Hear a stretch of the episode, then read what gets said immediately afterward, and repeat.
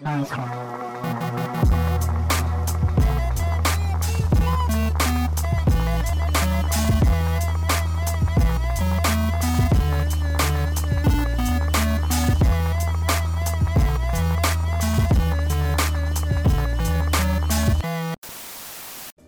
datang di episode ke-8 podcast kita, Mansur FM.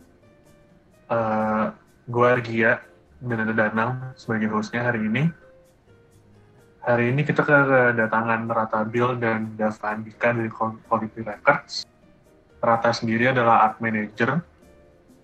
Dava adalah uh, label manager. manajernya. Tuh. Uh, mau- uh, hari ini kita bakal ngomongin banyak hal sih. Dan sebagai informasi, kita masih jalanin podcastnya di Discord. Jadi untuk siapa pun yang denger sekarang di Spotify, di Apple Podcast, uh, terima kasih udah dengerin. Dan hopefully kalian bisa join di Discordnya karena kalian bisa, ngobrol, bisa promoin apa pun di Discord kita.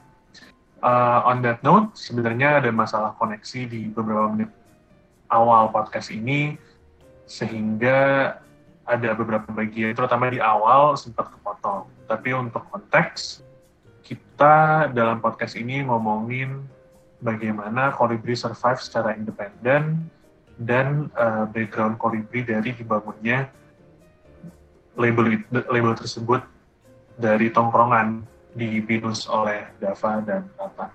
Selamat menikmati episodenya. Oke, enjoy ya.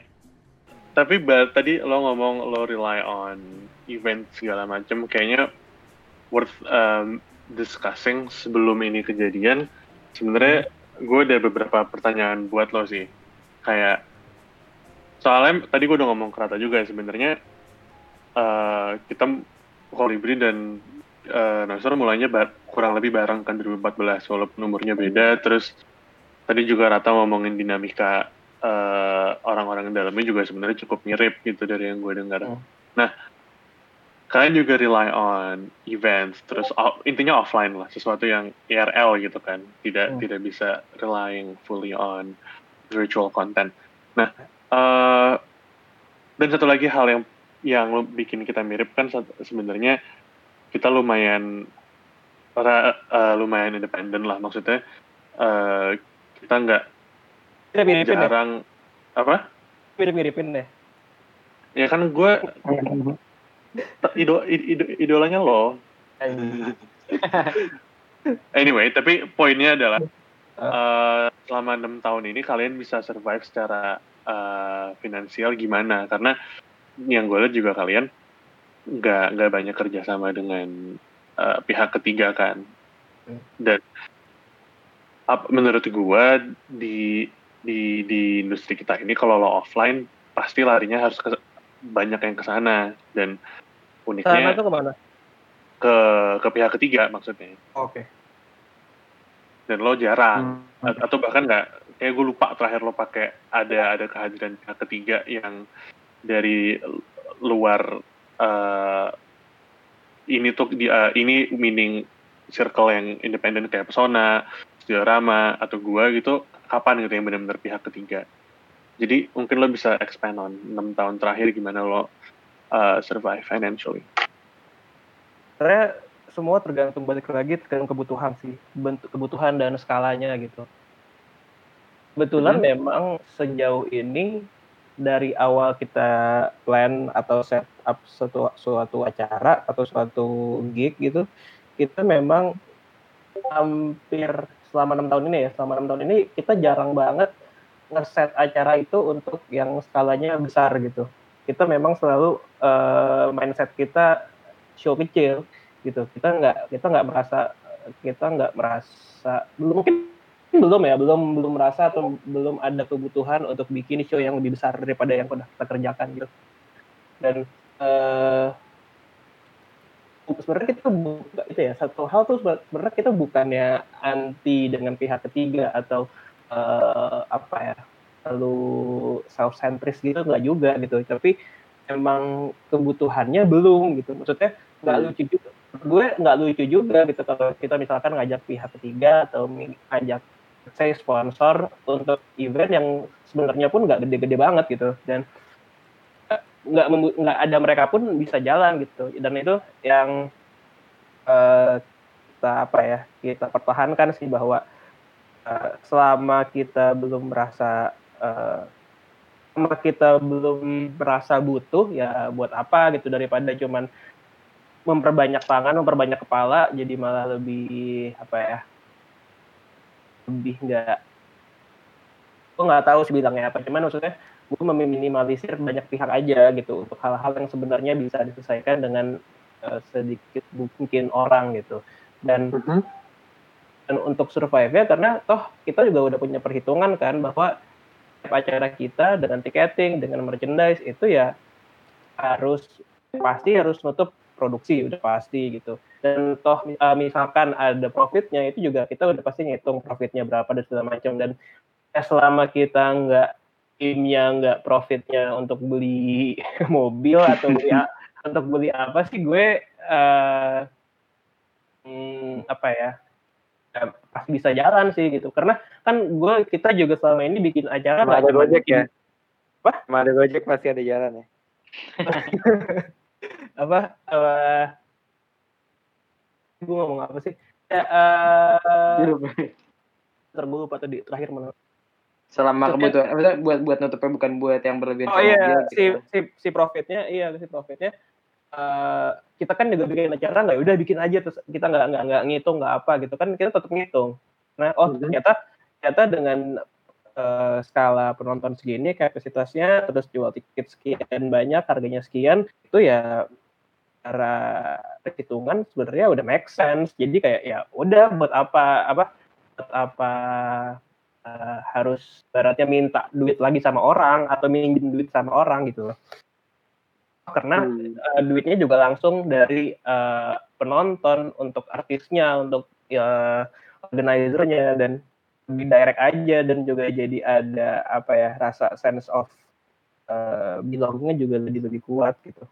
Mungkin itu sih mungkin itu faktor utamanya. Terus mungkin faktor kedua juga kalau dari ini pengalaman gue ya Rata juga Rata tuh paling paling susah tuh kalau kompromi-kompromi soal kayak uh, desain atau apa-apa gitu tuh ternyata lumayan kompromi tuh. Eh susah kompromi. Jadi kayak mungkin juga meminimalisir orang karena kayak lagi nggak banyak campur tangan di kayak itu tadi di artistiknya di desain di macam mungkin Rata mau nambahin karena apa internet gue hancur banget tapi udah paham Tapi, Tadi gue nah, gue ngomong, gue gue ngomong denger kan? Dengar, dengar. Gue sempat jelas. Gue sempat denger lu sampai yang gue agak susah. Setelah itu gue nggak terlalu denger. Terus putus. Iya, nggak. Tadi gue bilang ya mungkin kita sebagai salah satunya meminimalisir banyak pihak karena di satu, di satu sisi uh, rata juga di bidang apa di hal uh, artistiknya itu juga nggak nggak terlalu kompromi dengan nggak terlalu gampang kompromi untuk hal itu gitu. Ya. Yeah. Tapi tadi tadi lo ngomong lo ada hitungannya sendiri, terus selama lo nggak aim untuk beli mobil, sebenarnya harusnya aman-aman aja, ya kan? Yeah. Tapi tapi ada kemungkinan hal yang sebaliknya terjadi kan hitungan lo tidak tidak sesuai dalam arti ya nggak nyampe gitu hmm. itu lo udah punya semacam feelingnya kayak uh, kira-kira skenario gini gini gini worst case scenario mungkin gue rugi kian gitu karena jujur kalau gue bener-bener nggak nggak ketebak gitu hitungan gue bisa jauh banget jauh di atas hmm. atau jauh di bawah gitu kalau lo kan emang kalau tadi lo bilang memang uh, apa scope lo kecil segala macam apakah itu apakah itu yang bikin lo jadi bener-bener tahu? Karena kan uh, acara lo kan sebenarnya lumayan reguler lo punya internet fans terus kayak uh, ketahuan. Apakah gara-gara itu yang bisa ya. bikin lo pede nggak pakai ini ini ini gitu? Bisa iya sih itu satu hal juga itu satu hal juga karena karena kita lumayan reguler dan uh, scope-nya nggak terlalu beda-beda jauh uh, apa ya relatif uh, stabil di situ gitu kita jadi tahu kita jadi tahu gitu kayak uh, eh, perilaku perilaku audiens kita seperti apa dan kita tuh sejauh mana gitu dan so jujur aja selama nih ya seingat gue ya seingat gue selama enam tahun ini acara tuh gue rugi rugi itu paling besar 6 juta Serius? Iya, jadi selama ini tuh gue bikin acara mungkin untung untung nggak banyak ya, untung untung gue nggak banyak, tapi gue jarang rugi. Ini Arya dengernya iri btw lo deh. Hmm. Iya gue. Gua udah. 6 m, udah 6 m dah. Namanya? Kita rugi, eh kita untung mungkin nggak banyak atau nggak sering gitu ya, tapi kita jarang rugi gitu. Dan terakhir rugi itu persen yang berasa banget duitnya gitu sih. Jujur tuh 6 juta. Itu itu waktu internet fans berapa ya? Yang ada band-band Singapura pokoknya di hari pertama tuh ternyata sepi Oh, iya. banget cuy. Oh, hari pertama sepi banget dan itu kayak gitu anjir. Ya udah setelah selesai kita hitung-hitung ruginya 6 juta tapi ya udah gitu. Itu berarti lu yang pas interfacing itu lu eh, bayarin pesawat mereka yang dari Singapura gitu apa gimana? Enggak, enggak. Itu gue waktu boncosnya tuh gara-gara apa ya? Gue lupa deh. Oh, bodoh sih. Boncosnya gara-gara tinggalan kereta cuy. Jogja. Aduh. Jadi, jadi eh, ya salah ada mungkin ada di salah pihak kita juga, ada kita juga koordinasinya kurang koordinasinya kurang gimana. Terus lah pokoknya kita sampai di stasiun mereka untuk ke kota berikutnya tuh kita nyampe pas banget. Jadi pas kita nyampe udah depan pintu, udah udah mau masuk nih masuk tiket, katanya tuh udah jalan. Jadi kayak Iya. bi- cuman beda lima menit gitu, cuma beda lima menit tapi katanya udah jalan. Nah, Hmm. ya udah, jadi kita harus beli tiket baru lagi untuk berapa Oke. orang tuh? Kalau 15 orang tuh berapa gitu? Aduh, iya kerasa sih bener-bener. Aduh. Ya mungkin nggak enak, nggak enaknya dari bisnis yang pas-pasan kayak kita gini, jadi dikit banget room buat error gitu loh. Mhm. Itu itu itu benar sih. Apalagi kalau pakai duit sendiri gitu kerasa banget tuh pasti pas ketinggalan kereta lo agak-agak sedihnya kena juga kan tuh. Iya. Dan kayak anjing gue kayak Iya. kalau kalau itu nggak kita nggak rugi gitu ibaratnya. Iya. Anjing nggak jadi nggak jadi untung. Gitu. 15 menit aja. Tapi kalau Iya. tadi yang lu bilang Red, yang kayak tentang room of eh, apa room for error itu, tapi kalian tetap nggak mau ini ya, saya gue nangkapnya sikap kalian tuh tetap nggak mau eh, kerjasama kayak instansi-instansi pihak ketiga yang mungkin bisa ngebantu kalian untuk bisa memperbesar room, for error itu gitu. Itu apa apa gimana?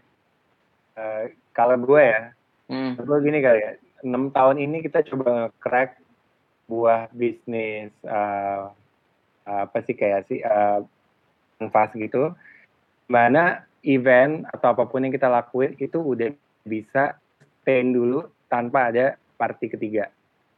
Kalau misalnya nanti suatu waktu ada ada party ketiga yang memang mungkin partner yang cocok banget sama kita, kita terbuka kok. Cuma ya eh, bisnis kita udah sehat tanpa ada partner ketiga itu. Bisnis kita udah sehat tanpa ada partner ketiga itu. Makanya mungkin terakhir kita ada acara-acara baru terus, ada kita bikin terus dan harga tiketnya berubah-berubah, venue-nya berubah-berubah itu karena kita juga sambil nge-crack nih eh, gimana sih hitungan yang paling sustain terakhir ada rock and roll nightclub mungkin tiketnya agak lebih mahal Hmm. Eh, itu jual berapa uh, cepet ya Dev ya Yang di mana apa berarti? ya?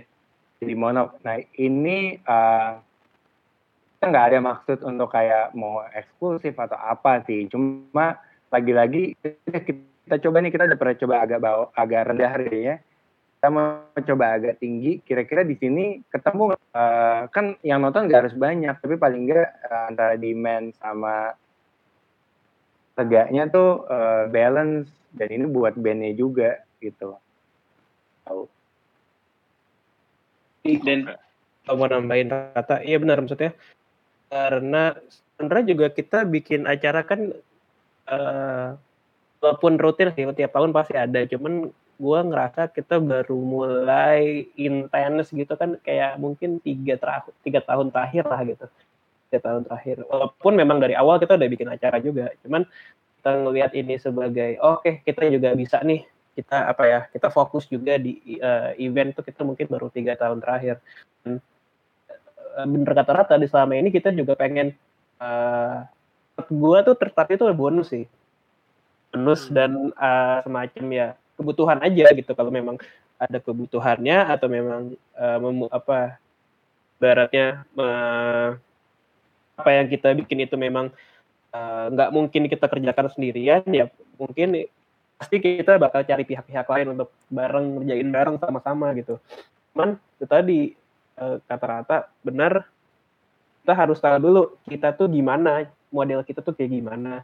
Dan uh, kita udah punya pakem dulu gitu. Jangan jangan sampai kita belum punya pakem terus udah punya kerjasama sama ini ini ini ini ini macam-macam terus ganti-ganti beda-beda. Yang dari kita sendiri pun jadi bingung ini sebenarnya kita mana. Jadi ntar ke depannya kalau misalkan nggak ada pihak ketiga kita juga jadi nggak tahu mesti gimana dan bahkan mungkin nggak jalan gitu. Jadi tanpa pihak ketiga kita bisa jalan kita udah tahu mesti ngapain udah tahu kita uh, gimana sistem kita. Jadi kalau mau ada eh, pihak-pihak lain ya itu kita bakal improve aja gitu ngerti gak sih? Jadi kayak hmm. ada mereka pun kita udah kita terus jalan gitu.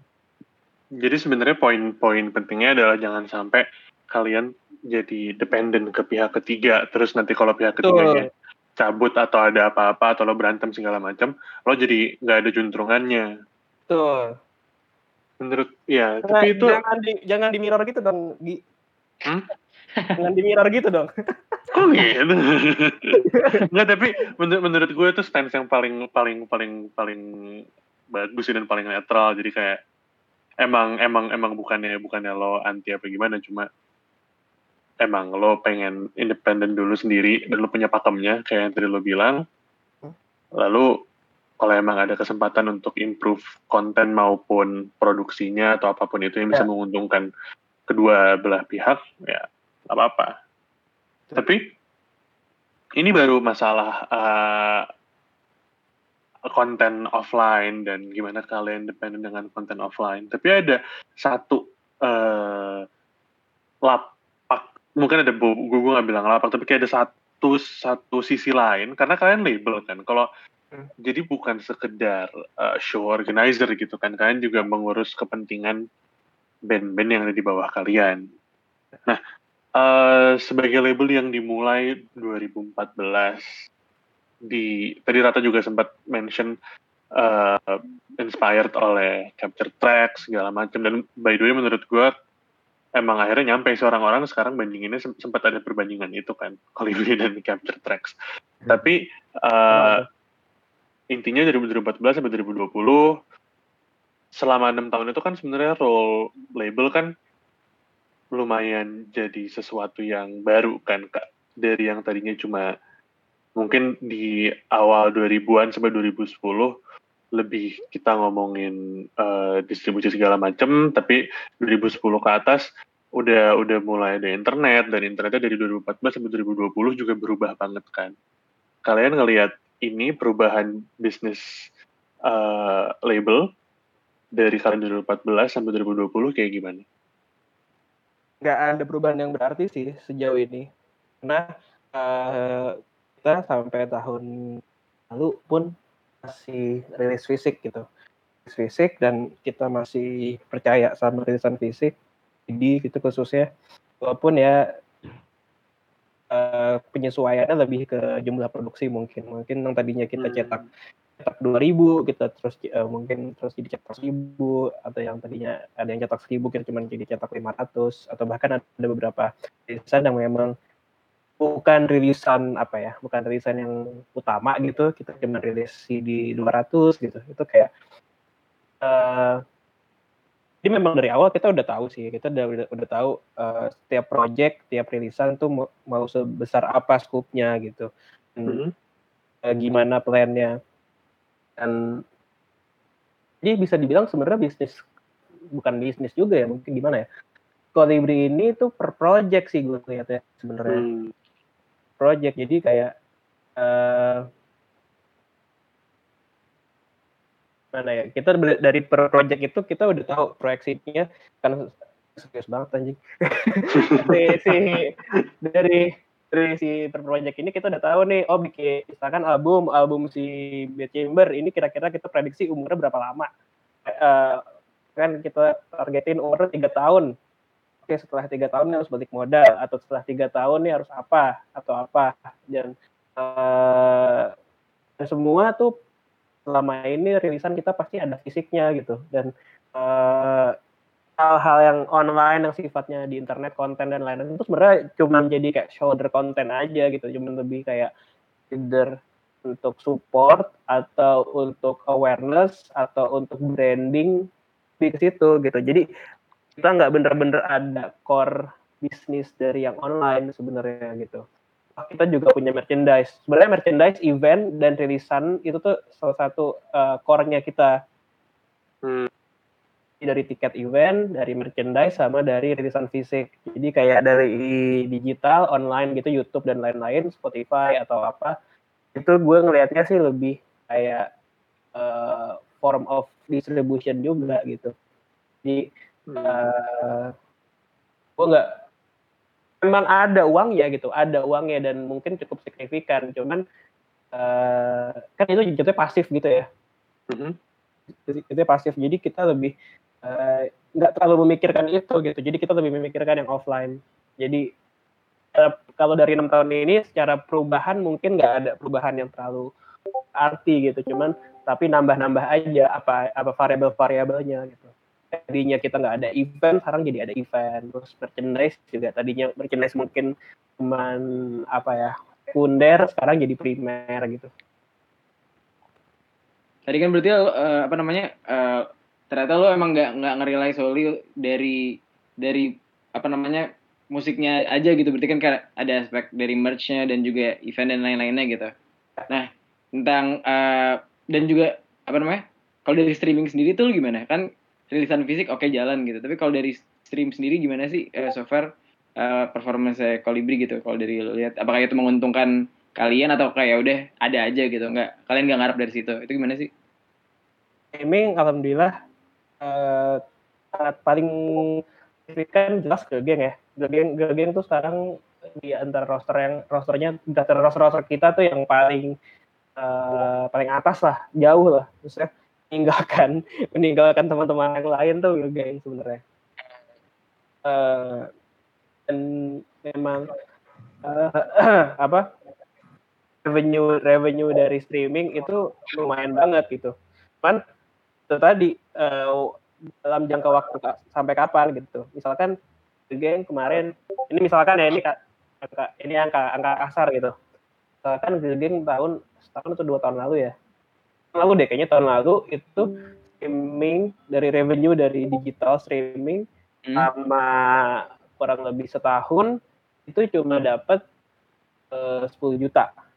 Oke. Okay. Kan 10 juta itu kalau mereka mungkin cuma sekali manggung gitu. Mm-hmm. Jadi kayak ibaratnya uh, ada duitnya gitu, duitnya ada, cuma gila aja lu dapetin 10 juta dalam waktu satu tahun. Sedangkan satu sisi lu manggung satu kali itu juga ada bisa dapat segitu gitu. Hmm, jadi kayak segede-gede stream uh, yang mereka dapat juga ya ya udah aja gitu. Bisa lebih dapat profit pas lagi manggung gitu ya? Pasti. Dan ya kecuali lu kecuali nah ya mungkin karena sekarang kondisinya memang band-band kolibri belum ada yang sebesar itu gitu. Maksudnya yang paling gede ya girl gang gitu. Dan uh, juga yang mungkin teman-teman sekarang semuanya juga yang dengar mungkin ya mungkin juga misalkan kita misalkan gue tanya roster kolibri siapa aja mungkin juga cuma bisa nyebut tiga atau empat band gitu. Jadi kayak yang paling gede aja girl gang gitu. Maksudnya yang sih ada band-band yang paling di di apa ya artinya di bawah gitu yang mungkin teman-teman juga bahkan nggak cukup familiar. Ya, kita nggak bisa mengandalkan dari streaming kan pastinya gitu. Jadi uh, kecuali memang lo misalkan segede Hindia atau Tulus atau Raisa yang emang udah streamnya jutaan ya hidup dari situ ya itu pasti hidup banget itu lo pasti hmm. kayak bisa dapat uh, ratusan juta mungkin pandemi gini malah kaya mereka Iya. Yeah. Tapi waktu kan gue ketemu sama lo ini kan Dev yang pas lo lagi mau ketemu agregator tuh Itu kayak sebelum dan setelah Anjir. temu tuh kan. Nah itu beda nggak lo? Lo ngera kayak ngerasain efeknya signifikan apa ya? Apa apa gimana? Ini agregator ya. Ya jadi eh jadi itu agregator ag- agregator tuh ada dua jenis guys. Oke. Guys. Keren tuh. Kita belum tahu nih. Ya, eh si RG mana sih? Hilang ya? Earphone-nya lagi bermasalah. Oh, ada. Kedengeran nggak gue? Aman kan? Aman, Ada. Mana lu? Sorry, sorry, sorry, sorry. Di agregator tuh guys ada dua guys. Guys. Ada dua guys. Jadi eh, ini sepengetahuan gue aja ya. Se- kalau mungkin ada yang tahu lebih atau apa kasih tahu aja. Cuman sepengetahuan gue ada dua. Jadi agregator yang sifatnya eh, buka terbuka dalam arti lu bisa join langsung by eh, lu bisa join online gitu di, di website tinggal sign up udah upload sendiri dari rumah gitu. Eh, yang kayak gitu misalkan yang populer ada kayak DistroKid ada CD Baby ada TuneCore lain-lain gitu. Itu yang ibaratnya langsung tuh biasanya kayak gitu bayarnya tuh eh, langganan gitu subscription kayak lu bayar di depan untuk setahun atau untuk berapa lama jadi ada ada paket-paketnya lu tinggal bayar udah nanti upload sendiri dan lain-lain dan revenue juga langsung masuk kalau semuanya gitu. Hmm. ada juga satu lagi yang eh harus ketemu orangnya. Tuh, jadi kayak dia nggak membuka dia nggak lo nggak bisa sign up diri bebas di websitenya gitu nggak bisa nggak ada gitu. Jadi lo harus harus ketemu mereka lo harus kontak mereka lo harus post lo harus kasih lo lo, lo harus jelasin lo siapa lo punya musik apa gini gini kalau ntar lo jadi lo apply lah lo apply lo apply. Nanti kalau diterima ya lo baru dikasih akses ke akses ke backendnya. Soalnya kan yang sekarang populer di Indonesia tuh uh, Believe Believe Music. Believe Music ini yang hampir pakai semua artis-artis gede sih. Ada kayak gitu ada dua yang gue tahu ya. Mungkin ada lebih gitu tapi yang gue pernah ngobrol tuh yang gue tahu tuh ada dua Believe Music sama Ingroove Hmm. yang ada kantornya di Indonesia gitu. Atau bahkan nggak ada kantornya ya, gue lupa. I- nah sekarang tadinya Kolibri pakai yang pertama tuh DistroKid kita jadi uh, uh, sign up sendiri dan lain-lain. Jadi, hmm. Dan eh, tahun akhir mulai tahun lalu akhirnya awalnya tuh kebutuhannya gara-gara eh, Girl Gang itu juga sign sign sama label Inggris kan, Dem Nebly. Nah, si label Inggris ini kita eh, agreement-nya by territory. Jadi dia mau dia mau rilis, cuman kita pisah teritori. Jadi untuk teritori Eropa, Amerika itu rights-nya mereka yang pegang. Oke. Terus nah, cum, jadi kan berarti gue harus exclude teritori mereka kan di yang apa? Gue harus select gimana sih? Gue harus exclude yang teritori mereka dia dari dari rights gue gitu kan. Nah itu dari DistroKid itu nggak bisa. Dan jadi dari DistroKid itu nggak bisa nggak bisa adjust, nggak bisa edit uh, teritori.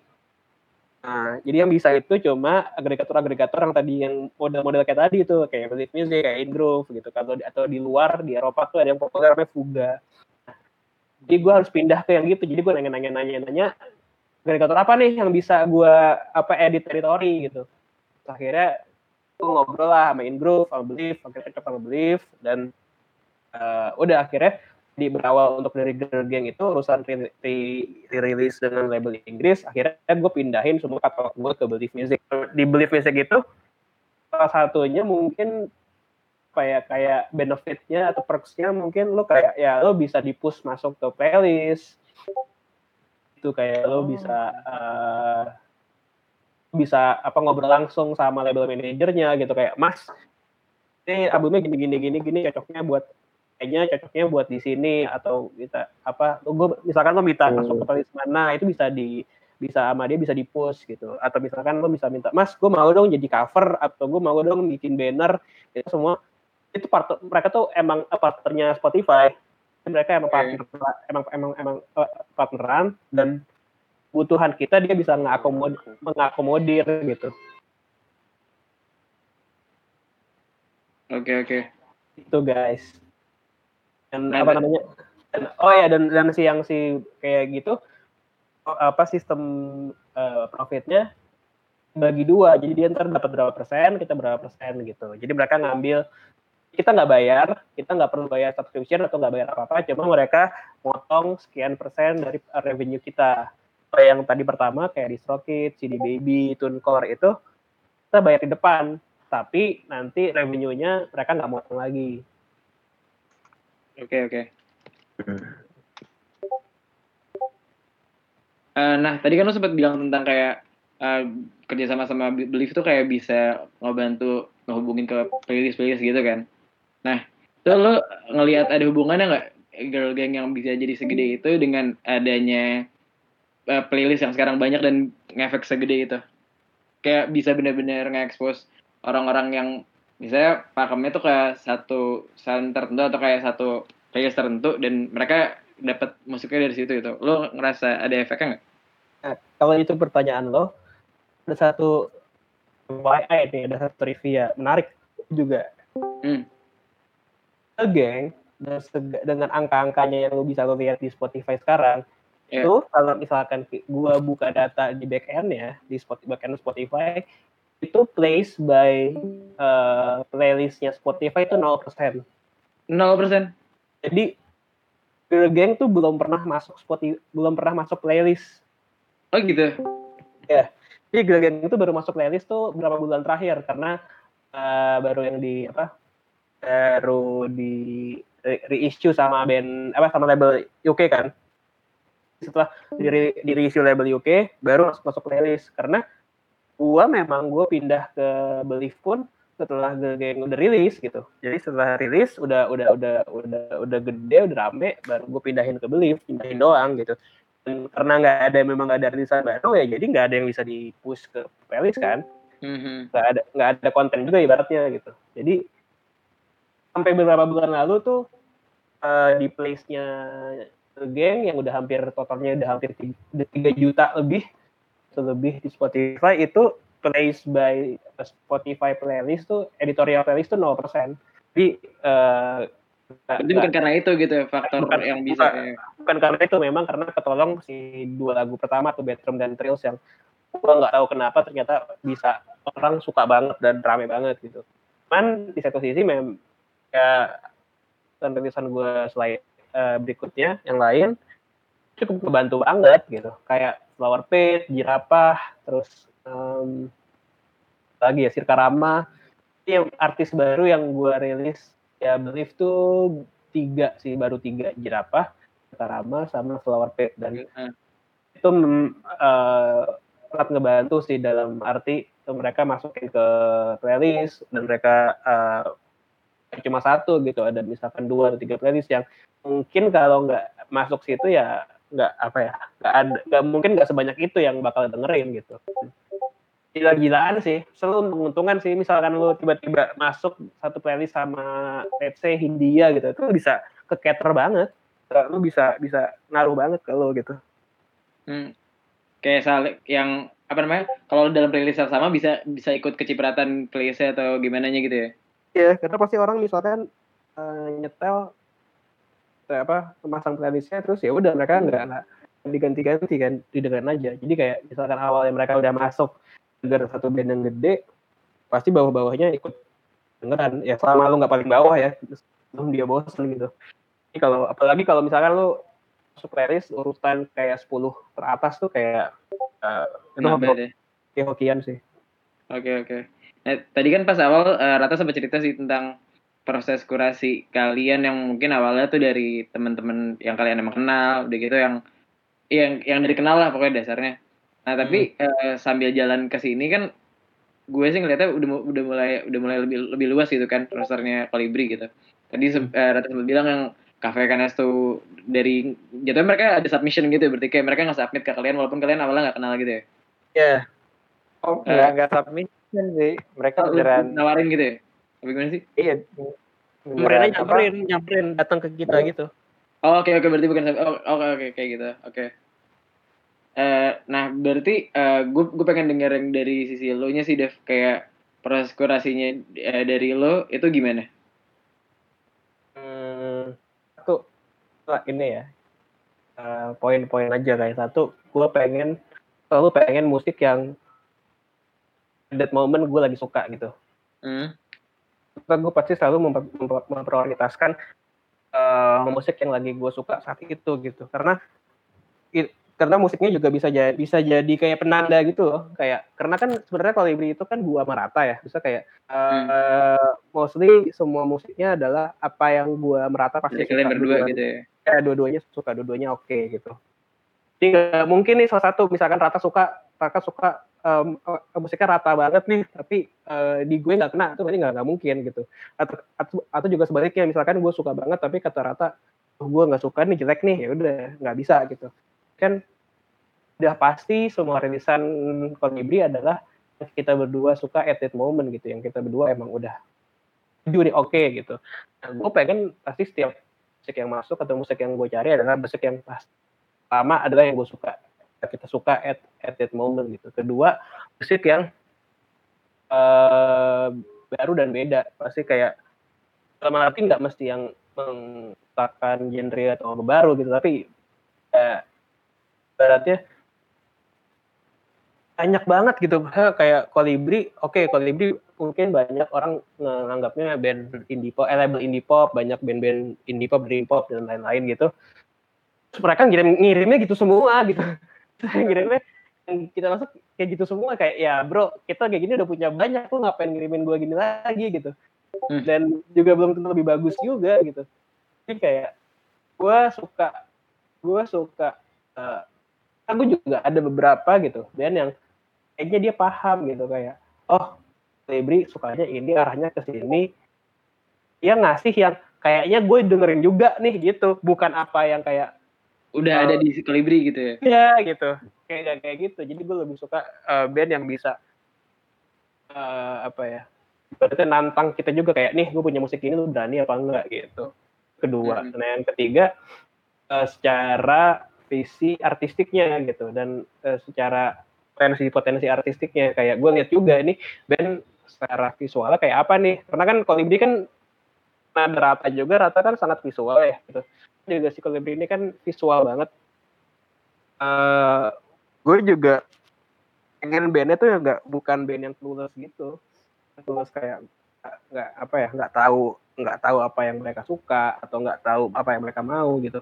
Jadi gue pastiin juga bandnya udah punya karakter visual atau paling enggak mereka udah tahu nih mereka mau kayak gimana arahnya seperti apa atau mereka juga punya potensi ke sana gitu. Jadi bisa kita bisa kulik bareng-bareng kita oke lo ini albumnya kayak ini kayak apa visualnya kayak apa artworknya sama kita ternyata visinya nggak beda jauh nggak beda apa ya masih satu frekuensi ya pasti kita nyambung gitu kalau misalkan udah wah nggak bisa nih lo udah, udah nyebrang lo udah udah beda sama kita nih udah Ya, berarti nggak kabar. Ah. ya Eh. sama aja jadi ya saat itu eh, sama pentingnya jadi kalau misalkan musiknya bagus nih musik kita suka, kita suka cuman ternyata pas ngobrol ngomongin artwork misalkan atau ngomongin foto atau ngomongin desain video dan lain-lain kita katro cuy gitu kayak ah masa kayak masa kayak gitu masa kayak gitu dah gitu kayak Devian, Devian art gitu ngasihnya. ya. Berarti kalau Iya. pas dari dari visual aja mereka nyambung ya berarti ya udah itu nggak nggak bakal kalian paksain lagi gitu dari situ ya. Iya gitu. Walaupun pasti dan masih harus ada juga ruang-ruang buat diskusi kan. Cuman kalau misalkan dari awal kita udah kayak diskusinya aja udah satu fre- frekuensi sih walaupun musiknya bagus eh, kemungkinannya kecil. gue pengen denger dari Rata sama Dava sih mungkin ntar kalian bisa saling ngungkapin gitu. Tadi kan sempat baru disinggung dikit kan tentang Jirapa nih salah satu yang X yang baru masuk Kolibri gitu. Ya. gue sih pas pertama denger sih keren banget gara-gara eh, apa namanya? Gue gue pertama notice Jirapa tuh pas mereka masih baru ngepost di blog-blognya bahkan gue lupa download di mana yang kayak baru ada tiga lagu atau empat lagu per EP mereka itu dan Hmm. kayak pas mereka akhirnya ke Jakarta itu gue kayak yang gue tahu tuh kayak susah gitu ngaj- ngajak Jirapa manggung gara-gara label mereka dari, masih dari luar kan Gue inget gue inget banget nih gue inget banget Danang nih guys ya. Dan- Danang nih udah indie dari SMP apa SD gitu. Sumpah gue, gue inget banget, gue inget banget dulu nih kayak anjing nih anak siapa nih kayak keren banget ya. Terus gue tuh kayak anjing masa SD tuh masa SMP gitu. Gue- gue- juga gue tau lo pas lo zaman masih nulis daftar boleh ngomongin deh tentang itu tuh kalau mau. Eh. Terus terus. Tapi terus. tentang jirapnya gue gue penasaran. Tadi kan eh, lo cerita kalau saya itu teman kantor lo apa gimana, Red? Oh, iya. Dulu Ken tuh eh, bisa dibilang bos gue lah di eh, creative agency gue pernah kerja. Namanya 1212. Oke. Hai. Indi parah. gimana, Red? Lanjut, Red. Ya, eh, gitu sih dulu eh, gue juga fans banget sama Jirapah. Jadi awal-awal gue intern di 1212 tuh gak bisa bohong deh yang namanya gue starstruck ada Ken terus kadang Mar dateng. Gue kayak dia ngasih brief gue kayak anjir anjir gak bisa bohong gitu loh. Dia juga kayak ngerasa terus ada ya kadang-kadang juga Hilmi itu manajer mereka editornya di whiteboard juga terus suka kayak ngecengin gitu. Uh, seiring waktu ya, ya gue lama-lama terbiasa dan surprisingly setelah gue selesai dari sana mereka juga ternyata uh, tertarik sama apa yang Kolibri lakuin dan sama Dava tuh suka belajar apa kita segan nggak pernah sih kita kepikiran gitu sesuka-suka kita sama jirapah untuk jadiin jirapah roster kita itu kayak different mention aja gitu loh Oh, the city gitu loh. iya Iya. kayak kali dah gitu loh eh ternyata mereka nyamperin kita terus uh, kita excited banget kita uh, gua sama Dava diskusi gimana kira-kira ini keputusan yang baiknya ya kira ya udah kita mau keluar dari comfort zone kita beraniin untuk uh, rilis kira apa Oh, berarti pada saat itu ber- mereka apa? Mereka approach kalian duluan, mereka udah nggak sama label mereka yang di luar apa gimana itu waktu itu? Kan tuh nggak pernah pernah punya udah label. lama enggak kayaknya Dav ya Oh, berarti emang nggak- udah nggak pernah punya. Oh, gitu. Mereka yang sama label Inggris kalau salah itu. ya. Saya tuh cuma Hmm. ngeris itu doang, cuma ngeris kaset itu aja, bukan Hmm. kayak bukan jadi roster gitu bukan. Jadi mereka tuh Oh. memang nggak pernah punya label dan Kolibri tuh label pertama mereka. Oh, gitu. Oke, oke. ya Obi eh, Udah gitu kayak proses kreatifnya gimana kan yang gue lihat kemarin juga wah juga sih kayak showcase dan eh, video klip mereka sama Edwin gitu. Itu keren sih menurut gue. Itu prosesnya gimana? Apakah kalian eh, ngelepas mereka atau kalian ikut dalam eh, proses itu gitu? bisa dibilang ikut bisa dibilang uh, kita hands on banget sih sama artistik jerapah karena dari awal artwork album berapa tuh eh, gue kaget juga sih mereka beneran eh, punya kreatif trust banget sama kita. Terserah nih kalian mau bikin kayak gimana. Terserah Rat mau bikin kayak gimana. Dari situ gue ya kira mem- ya kita tahu posisi kita di sini eh, kalau mereka percaya sama kita dari sisi eh, treatment artistik lah. Hmm. ya gue gue bikin cover albumnya mereka suka.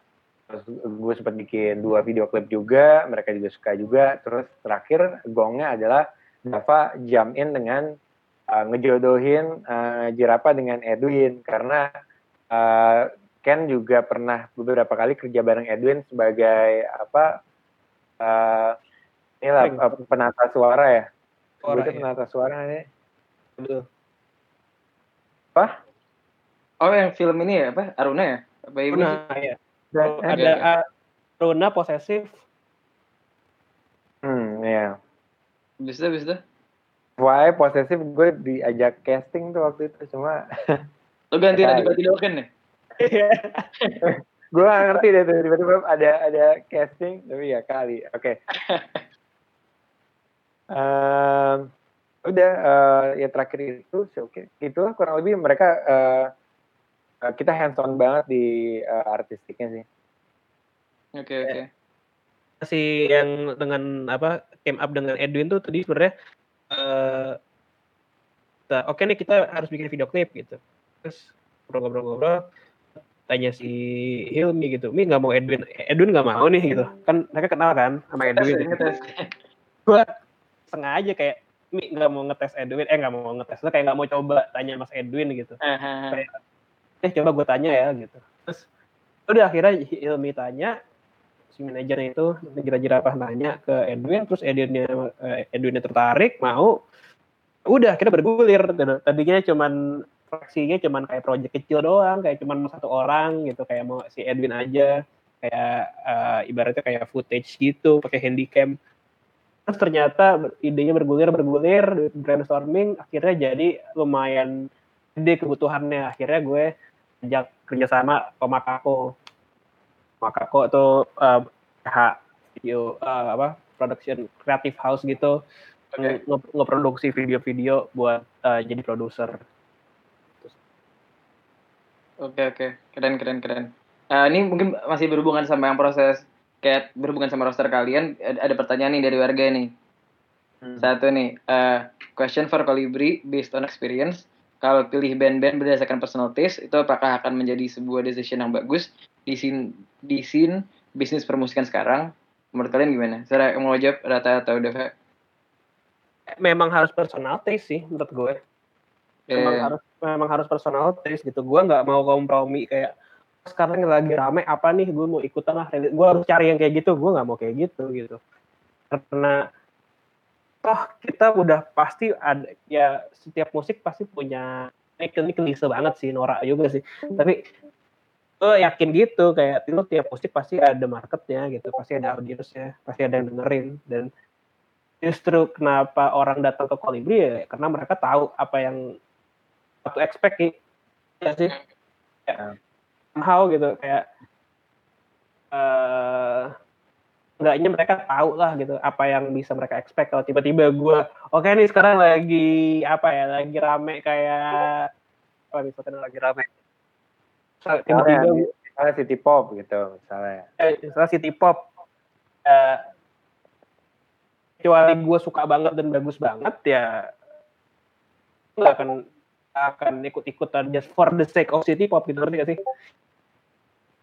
Oke okay, oke. Okay. Dan saya yeah. tadi lu? Gimana gimana? Iya dan memang harus personal gitu karena itu juga bakal uh, yang ya uh, tentuin juga gitu kayak orang bakal setiap apa enggak. Hmm gue ngerasa juga kalau masih di musik ya terutama yang masih artistik gitu dan bikin musik kan masih bisa dibilang artistik juga core-nya pasti personal sih even kayak kita sering-sering baca pitchfork pasti itu reviewed by siapa personal -hmm. Uh, gue juga kayak pernah dengerin podcastnya Sapo itu ngomongnya nggak sama uh, foundernya sih. Cuma kayak tiap si marketing manager atau apa gue lupa ditanya gimana ini uh, pemilihan roster kalian? Ya ya kita sih ya nggak tahu ya si Jonathan Poleman aja gitu. Kayak balik lagi ke dia emang even label uh, segede itu juga rely tetap uh, apa pers, uh, personal taste. Cuma menurut gue yang jadi uh, question adalah mana si orang label ini benar-benar harus tusukan lah dia harus kayak menaruh dirinya sering terbuka sama banyak musik, dia juga sering baca review musik atau sering datang, sering nongkrong-nongkrong di warga juga. Jadi harus bisa uh, karena ini personal taste, personally dia juga harus paling enggak buka dan rich lah. Rasanya sih kayak gitu. Oke okay, oke. Okay. Ini biar juga saya naruh nggak personal personal banget juga gitu ngerti gak sih? Ya ya. Saya tadi kan juga kalau bener kayak apa namanya kalau bener kalau apa namanya ngikutin cetakannya kolibri aja kan juga ternyata malah banyak orang yang ngirimnya atau mencoba sampai ke kalian yang suaranya persis kan Ber hmm. tapi kayak perlu ada apa namanya peninjauan personal lagi dari kalian berdua paling enggak untuk eh ini buat ke depannya cocok apa enggak jadi bener-bener ada ada sentuhan personalnya itu ya hmm. ada ya kalian peninjauan personal bahasa lu nang Ih, gue bingung kata-kata tadi apa gitu. Pokoknya ada person ada touch personalnya lah gitu ya. Eh, ibaratnya apa ya? Gue juga eh, yang penting gue masuk sama Ratu suka sih itu aja sih. Mm-hmm. Oh. Uh, nah, kalau saya dari ini kan udah mepet buka puasa nih, jadi uh, mungkin kita apa? Berapa sih buka? Lu puasa tapi enggak, uh, lu puasa nggak Dev? Puasa gue. 15 menit lagi paling ya. Lagi. Kita nyambung lagi nggak? Setelah lu, lu pada bukan ada acara abis itu? Itu jam berapa sih, Rat? Jam 7 ya? Hmm, setengah, kita jam 7 udah harus ini briefing. Terus sebelumnya buka puasa. Agak susah sih. Susah ya sih, ya udah. Hmm. Oh, eh, paling kalau misalnya emang eh, ntar mau dijadwalin lagi kapan juga bisa-bisa aja sih kalau sih kalau masih banyak topiknya gitu. Oke. Oke. Sekarang jadi- introduction aja. iya iya sekarang- introduction. Introduction to Kolibri anjing. Aja aja. Dua episode berarti lah ya. Terus terus. Nah, eh, tadi kan pokoknya yang selain hubungan tentang kurasi dan ENR eh, di Kolibri sendiri kan juga ada touring nih. Nah, itu kalian tuh eh, apa namanya eh, proses networkingnya untuk bisa mulai eh, apa namanya nges apa yang organize tour itu gimana sih? Pertama mungkin yang dari dalam Indonesia sendiri dan mungkin berikutnya yang keluar gitu kan. Soalnya kan Bad Chamber sempat ini kan. Bad Chamber sempat ke Singapura kalau nggak salah ya. Eh, sempat Singapura pernah. Udah gitu, kalau Girl Gang juga sempat tur Southeast Asia kan? Chamber juga satu sisi ya. Oh, Bad Chamber juga ya maksudnya? Iya. Lu ngelu- ngelupain gue sih, Nan? Enggak, gue gue ingetnya Singapura doang, sorry. maaf, maaf, maaf. Oke, oke, berarti dua-duanya pernah tur Southeast Asia nih ya. Nah, itu mungkin kalian eh, proses networking gimana sih? Pertama mungkin yang dari dalam in- apa Indonesia dulu, udah gitu yang keluar tuh gimana sih?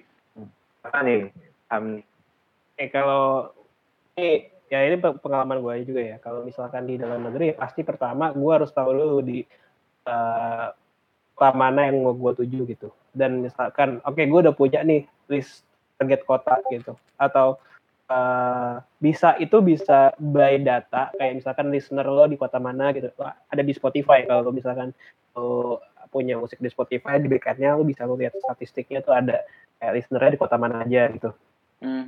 Nah, itu ya lo bisa dari situ bisa by data kota mana yang paling besar atau enggak bisa juga by eh, target aja target eh gue pengen main di sini gue belum pernah nih di sini gitu atau itu misalkan eh, route aja rutenya tuh lagi enak di sini gitu. Mungkin di sana pendengar gue nggak banyak cuman kayaknya potensial gitu.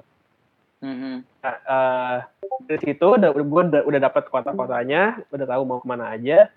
Ya gue, karena gue harus tahu di kota itu scene-nya seperti apa, scene-nya siapa yang aktif megang gitu, scene siapa yang aktif di sana, terus eh, atau kalau bisa juga ada nggak band di kota itu yang kira-kira satu sound sama kita?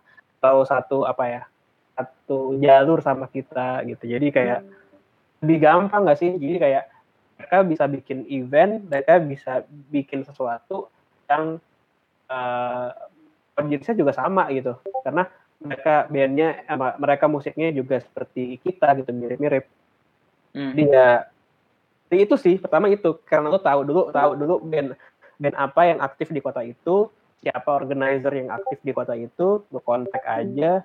Mereka semua, hampir semua orang yang pernah gue temuin, semua orang yang pernah gue kontak tuh sangat welcome sih gak pernah ada yang kayak ah band Jakarta lo atau apa lo gitu fuck off gitu nggak ada Hmm. sih Dan hampir itu berarti nggak kenal gitu awalnya kayak udah lu approach aja gitu. gue pasti awalnya nggak kenal kan semua pasti awalnya nggak kenal cuman sama Regia juga gue awalnya nggak kenal gitu jadi kayak uh,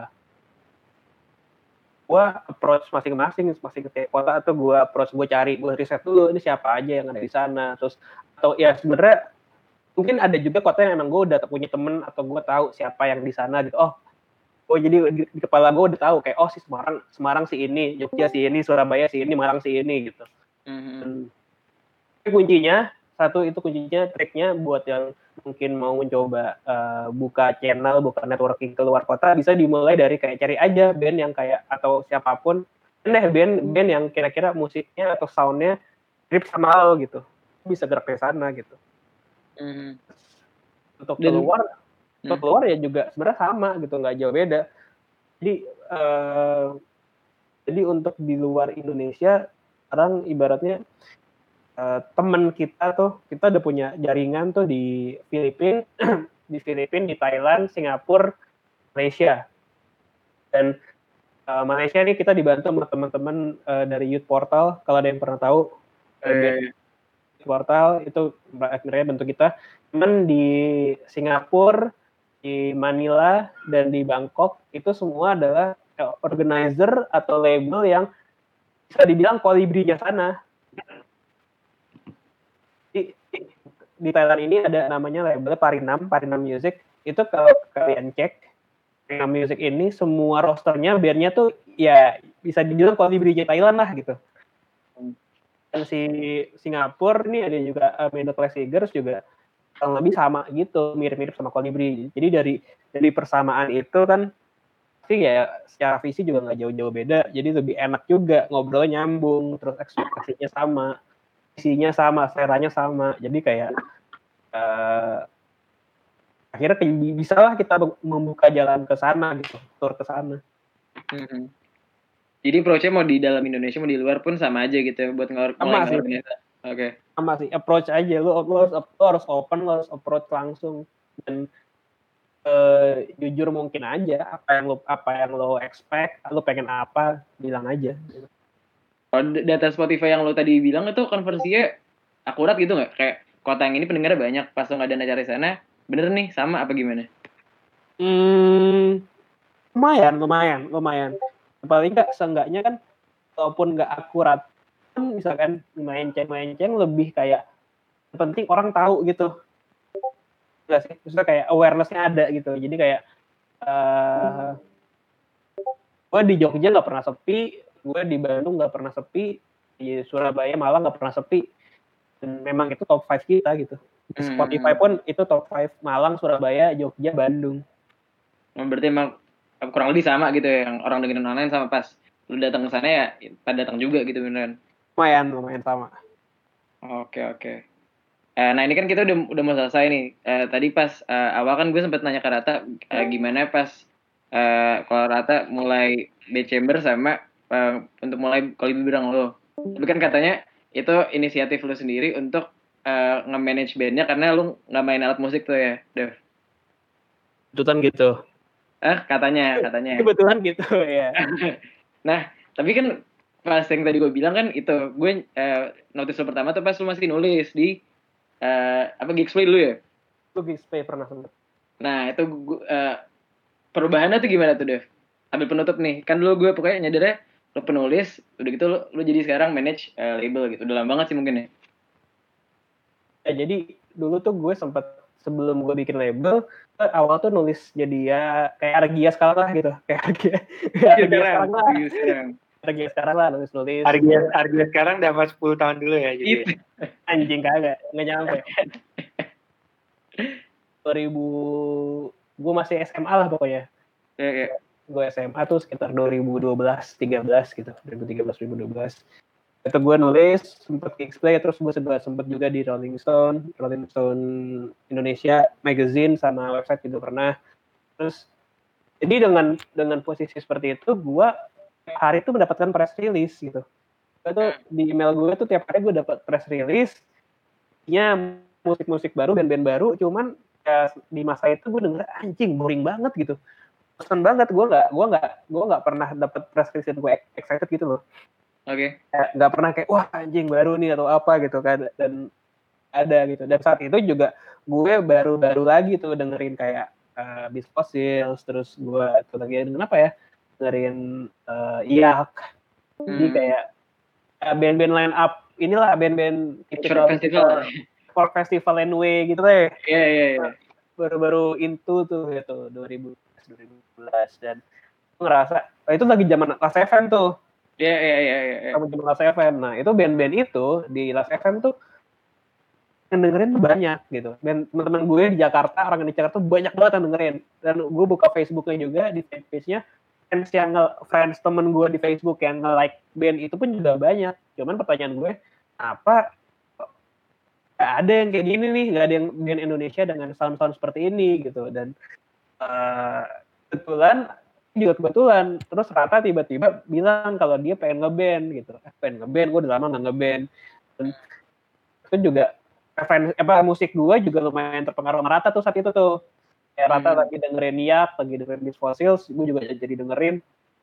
So gue jadi nyantut akhirnya jadi kayak hal beresonansi gitu selera gue merata kayak kayak mulai tadi gue beda banget gue merata nggak nggak dengarkan musik yang sama. Terus ketemunya di situ kayak uh, nyatu satu gitu. terus akhirnya uh, akhirnya termanifestasi itu di B Chamber gitu di B Chamber. Nah terus dari B Chamber itu gue denger musiknya ini dia nih yang gue cari nih as.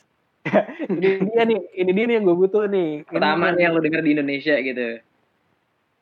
Gak pertama sih mungkin gak pertama bukan baru juga cuman fresh lah gitu. Oke, bosen lah, nggak bosen gitu. Oke oke. Nah, itu awal-awal tuh Beat Chamber masih kayak yak, terlalu kayak indie rock alternatif gitu. Hmm. Kayak yak banget lah gitu. Nah terus gue kayak anjir ini dia nih. Terus ya udah akhirnya gue berpikir eh, gue bosen banget kan nulis tuh gue gue nulis untuk sesuatu yang gue gak excited gitu buat apa gitu karena Hmm. saat itu lagi zamannya post rock atau stoner atau folk gitu gue lupa isinya sama semua gitu isinya tiap hari ada band stoner semua tiap hari ada band folk semua Jadi kayak, Zaman-zaman Enda Resa gitu ya. bisa jadi bisa jadi bisa jadi. terus ya udah akhirnya gue ya udah deh gue gue karena udah gue juga udah punya network gue udah punya apa ibaratnya on kuat koneksi juga gue udah tahu lah ya di dalam situ. punya ya. akses siapa aja yang gue udah tahu siapa aja yang mesti hubungin gue tahu kalau misalkan gue butuh ini ke mana larinya udah dengan modal itu udah deh kayaknya make sense nih kalau gue bikin label akhirnya dengan dengan harapan si label ini bisa jadi kayak platform atau apa ya ada media untuk orang dapetin musik yang tadi gue maksud gitu kalau lu mau dengar musik kayak gini di Indonesia ya lu bisa eh, salah satu referensinya bisa ke Kolibri gitu. Oke oke. Dan jadilah udah 6, lewat 6 tahun, band lu sekarang ada berapa? 8 ya? Ada 8. Oke. Nah, ini kita sebenarnya udah mau deket buka puasa nih. Jadi eh, mungkin lebih ke So- penutup so- kali ya. Sorry ya kalau nggak bermanfaat ya guys. Bermanfaat, bermanfaat. Gue jamin bermanfaat. Eh, mungkin dari Dava atau Rata ada yang mau dipromosiin nggak dari Kolibri ada apa yang baru eh, yang lagi kalian sekarang jalanin? Menurut eh, Cerem TV ditonton ya. Jadwalnya jadwalnya apa aja coba? Itu udah terakhir ya. Terakhir ya. Itu terakhir, terakhir. season satu season satu terakhir. Oke, berarti bakal bakal berkelanjutan nih. Insya Allah. Oke Insya. Allah eh, lancar mudah-mudahan season 2 di bulan depan. Jadi habis lebaran. Jadi sebenarnya Cerp TV itu per bulan gitu, tiap bulan. Cuman karena bulan ini ada lebaran. Potong lebaran jadi cuma dua minggu. Mungkin nanti season 2 lebih panjang gitu. Oke oke. Eh, ada selain TV ada apa lagi yang kalian mau promosiin? Di Eh, Gisel rilis single minggu depan ya? eh ya Gispel ada eh, single baru minggu depan. Oke. So, ini bocoran nih, cuman buat di Discord, eh buat cuman di podcastnya Nice Horror. Apa tuh apa tuh? Spell bakal featuring sama salah satu eh, singer-songwriter eh, folk Indonesia inisial BI. I, oke. Pada tebak ya ntar ya BI. Ntar ini kita rilisnya di Spotify hari Senin. Itu masih berarti masih belum rilis kan hari Senin kan ya? Belum. Oke oke oke. Berarti masih bisa pada nebak tuh ntar. Eh, kalau apa yang EP Flower Pit udah lama ya jatuhnya? Apa masih baru? EP-nya Flower Bad, bad side. Beside ya, itu juga masih ada sih, itu juga masih baru, masih baru. Itu bisa bisa dicek itu Flower Pit tadinya yang indie rock, as emo, terus Fafat lagi lagi fase set boy, jadi dia bikin uh, EP yang sangat laid back, sangat santai dan kayak itu versi melankolisnya Alpha. Oke oke. Ya, album album jo, album album jomblo album ah apa EP jomblo lah EP jomblo ya. Tapi itu lagu yang sebelum itu apa namanya? Constant Reminder wah gila. Rada nangis sih gue dengernya. Kacau sih. Yang baru lebih yang, yang, yang baru lebih, lebih nangis lagi kan Iya iya lumayan sih. Eh iya tadi katain cengeng gue. Oke kalau gitu siap-siap buka puasa nih. Eh, gue mau makasih buat Dava, buat Rata. Eh, Lancar terus kolibrinya. Besok-besok kalau misalnya warga pada mau lagi kita adain part 2-nya. Kita ajak mereka lagi. Waktunya moga-moga lebih leluasa. boleh ngo- ngo- ajakin ngobrol yang jangan teknis-teknis lah Iya. bosen bosen gue ngobrol teknis-teknis Ya udah kalau gitu eh makasih juga buat yang udah dengerin. Eh, makasih yang dengerin di Spotify di Apple Podcast.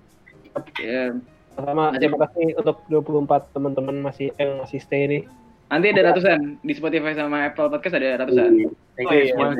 gitu gitu. Thank you Noisor, Nang. Yuk, thank you ya.